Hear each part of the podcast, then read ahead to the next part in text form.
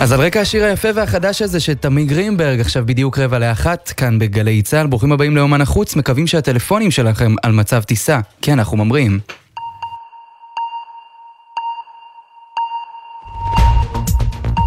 מתקפת הנגד הצליחה. צבא אוקראינה החזיר בשבוע החולף את אותו גודל שטח שכבשו הרוסים בחודשים האחרונים, והשיב את הדגל האוקראיני לכמה עיירות, אבל לזלנסקי יש תכנונים גדולים עוד יותר. When,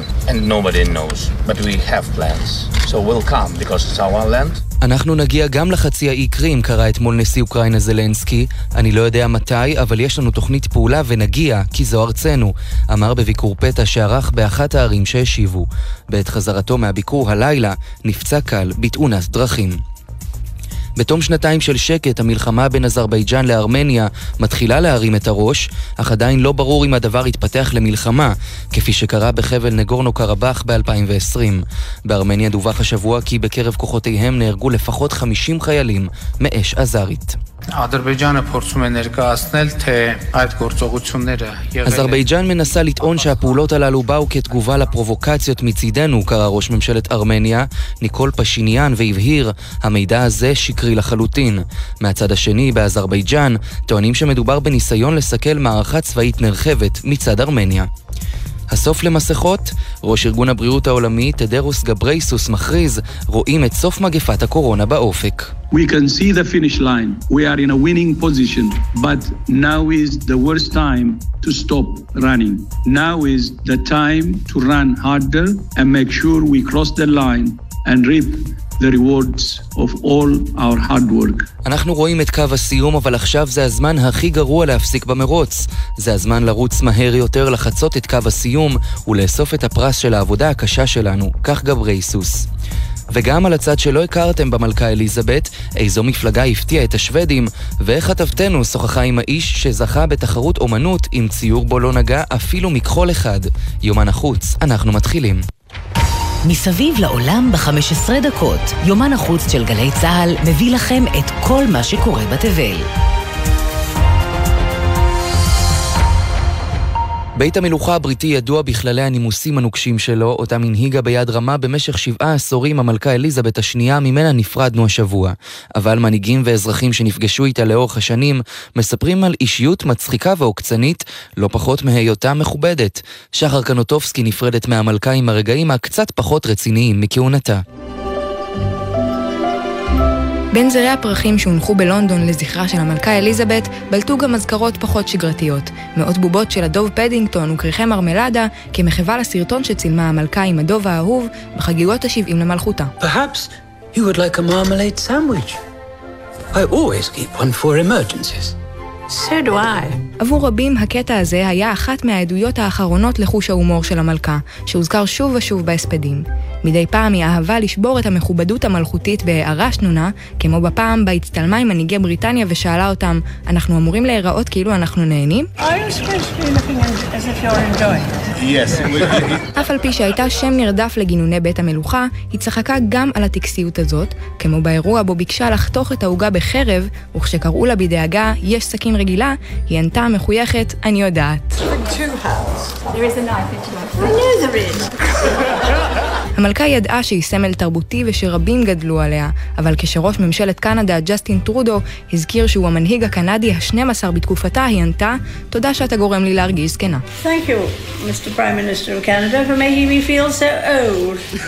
אלו רק חלק מהרגעים בהם הבליחה האישיות שמאחורי הנימוסים והכובעים הרשמיים, האישיות שהאומה הבריטית תזכור גם בעוד שנים. Thank you for everything. That's very kind.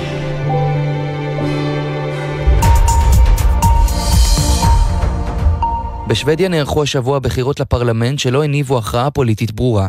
אבל מה שכן ברור מהתוצאות הוא ההתחזקות הדרמטית של מפלגת הימין הקיצוני, השוודים הדמוקרטים, שבין מייסדיה היו ניאו-נאצים מוצהרים, ובשנים האחרונות התקרבה לזרם המרכזי בשוודיה. איך זה קרה? כתבנו עמית קלדרון, שלום. שלום מתן, רבים טועים אחרי הבחירות האחרונות בשוודיה, איך השוודים הדמוקרטים, מפלגה שעד לפני כמה שנים הייתה קטנה, כמעט חסרת השפעה, ומוחרמת גם בימין השוודי, הפכה למפלגה השנייה בגודלה בבית הנבחרים. למעשה היא מפלגת הימין המובילה בשוודיה עם יותר מ-20% מהקולות. כביכול מדובר במפלגת ימין אירופאית ממוצעת, מתנגדת להגירה ומבטיחה לטפל ביד קשה בפשיעה שעולה בשוודיה. אבל מי שייסדו את השוודים הדמוקרטיים ב-1988 היו קבוצה של אנשים שחלקם ניאו-נאצים, חלקם הגיעו מתנועות עליונות לבנה, אחד מהם אפילו היה חייל באס-אס במהלך מלחמת העולם השנייה. העניין הוא שבתחילת שנות האלפיים התחיל במפלגה תהליך של הוצאת הגורמים הקיצוניים, והעמדה הרשמית שלה היום דוחה פשיזם ונאציזם, כולל החשש של ההיסטוריה המפלגתית. אלא שתנועות ימין קיצוני באירופה שאנחנו מכירים נאלצות הרבה פעמים להסתיר את עמדותיהן האמיתיות בגלל הטראומה היבשתית, אפשר לקרוא לזה, מהמפלגה הנאצית, ולכן עכשיו, כשיש סיכוי שהשוודים הדמוקרטיים יגיעו לראשונה לעמדת כוח ולממשלה, יש חשש גדול ממתן לגיטימציה למפלגה עם היסטוריה שכזאת. אם גם אתם ניחנתם בדמיון שופע, אך יכולות אומנותיות קצת פחות שופעות, יש לנו פתרון עבורכם. תוכנת בינה מלאכותית שלוקחת משפטים והופכת אותם לאומנות מרשימה מכל סוג, שלא תשימו לב שלא צוירה עם צבעים ועפרונות. עם ציור כזה בדיוק זכה ג'ייסון אלן מקולורדו, וספג לא מעט ביקורת. כתבתנו עומר עזרן שוחחה איתו. את הציור שהגיש ג'ייסון אלן מקולורדו לתחרות האומנות הראשונה שלו קשה לתאר ברדיו. היצירה שזיכתה אותו במקום הראשון, תיאטרון אופרה בחלל, נראית כמו ציור שעבר תחת מכחולו של אמן מנוסה. גם מי שיסתכל מקרוב לא יוכל להבין שהיצירה הזו היא למעשה פרי יצירתה של תוכנת בינה מלאכותית. I started with accessible software until I could get an invite to Midjourney. I was doing images like the second coming of Christ, and I was doing a couple of other things that have been in the back of my mind. I became addicted. התחלתי עם תוכנות יותר נגישות עד שקיבלתי הזמנה למיד ג'ורני.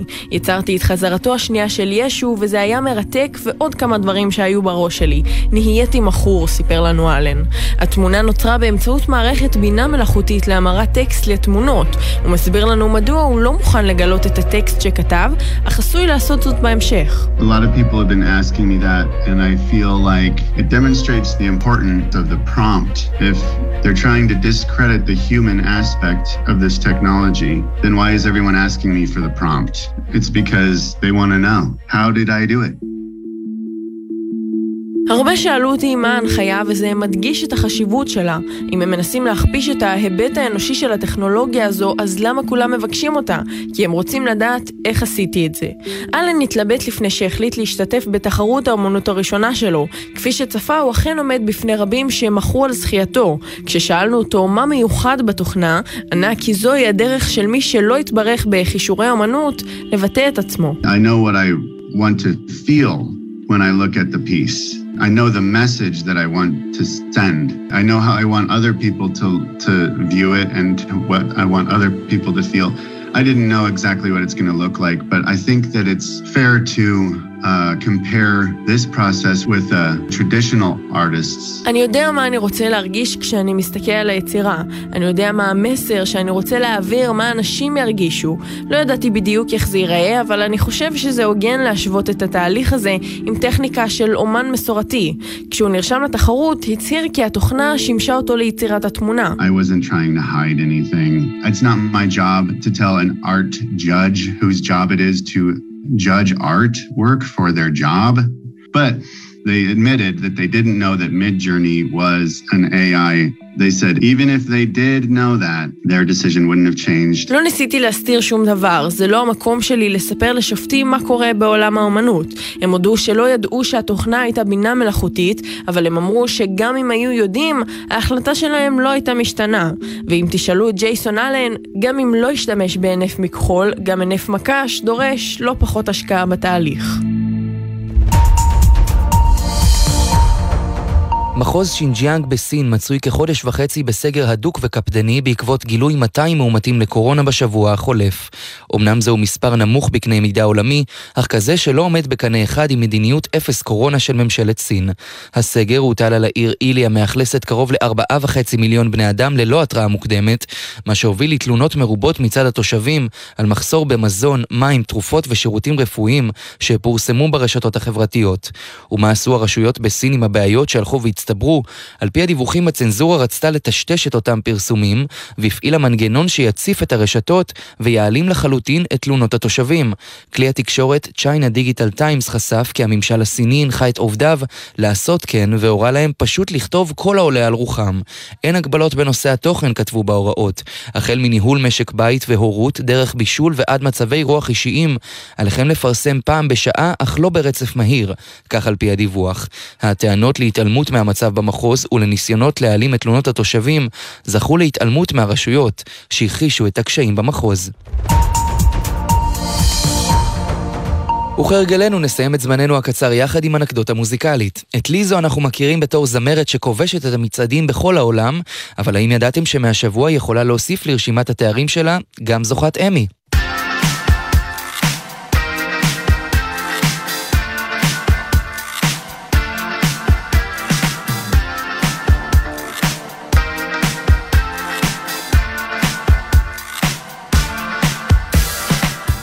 בטקס פרסי הטלוויזיה האמריקני זכתה בקטגוריה תוכנית הריאליטי הטובה ביותר, הבחורות הגדולות של ליזו. הזמרת הנרגשת פרצה בבכי בעת קבלת הפרס והסבירה שכשהייתה ילדה, כל מה שרצתה זה לראות את עצמה בטלוויזיה. מישהי שמנה כמוה, שחורה כמוה ויפה כמוה. אם הייתי יכולה לחזור בזמן ולהגיד משהו לליזו הקטנה, הייתי אומרת לה שאת תראי מישהי כזאת, אבל זאת תהיה את. עם השיר הזה של ליזו, ג'וס, אנחנו מסיימים להיום. נגיד תודה לעורכת של יומן החוץ, עומר עזרן, עורכת הדיגיטל היא מיה אורן והטכנאית היא גיא קפלן. אני מתן לוי ואנחנו ניפגש באותו הזמן, אבל במקום אחר, בשבוע הבא.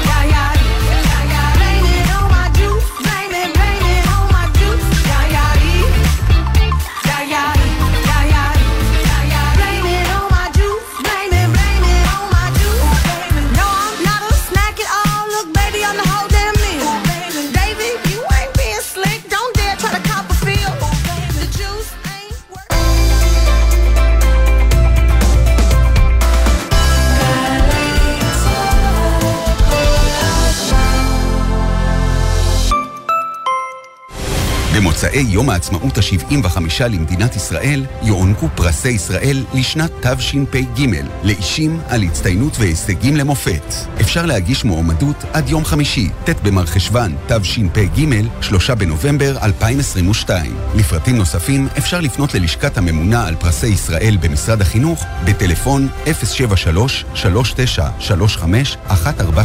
או 8 או באמצעות אתר משרד החינוך. שלא תדעו צער. אבל חשוב שתדעו, המשרד לשירותי דת מעמיד לרשות משפחות הנפטרים מוקד חירום, כוכבית 0120, הפועל 24 שעות ביממה, שבעה ימים בשבוע, חינם. וכך, אם חלילה תצטרכו, תוכלו לדעת בדיוק, במקום אחד, כיצד להתנהל בכל הנוגע לסידורי הלוויה וקבורת הנפטר. מוקד החירום של המשרד לשירותי דת, כוכבית 0120, איתכם ולצידכם גם ברגעים הקשים שלכם. ואבוי, איזה אסון! בעמוד החשמל נתקע עפיפון. שקע, לא צריך לחשוש, שלח הודעה לחברת החשמל. 055 7103 חברת החשמל, זמינים גם בוואטסאפ.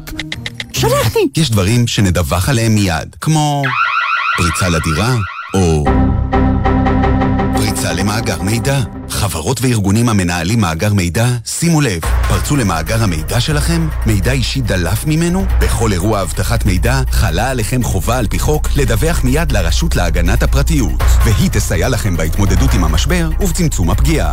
לדיווח, היכנסו לאתר הרשות או חייגו כוכבית 3103. הרשות להגנת הפרטיות, משרד המשפטים. אני לעולם לא אשכח לאסוף את הילד מהגן. אני לעולם לא אשכח את התור של הילדה לרופא. אני אף פעם לא אשכח את התינוקת שלי ברכב. זה פשוט לא יכול לקרות לי. אל תגידו, לי זה לא יקרה. שכחת ילדים ברכב יכולה לקרות לכל אחד ולכל אחת מאיתנו. לפני שיוצאים ונועלים את הרכב, מוודאים שכולם ירדו ושלא שכחנו אף אחד. להמלצות בנושא חפשו בגוגל אסק רלב"ד.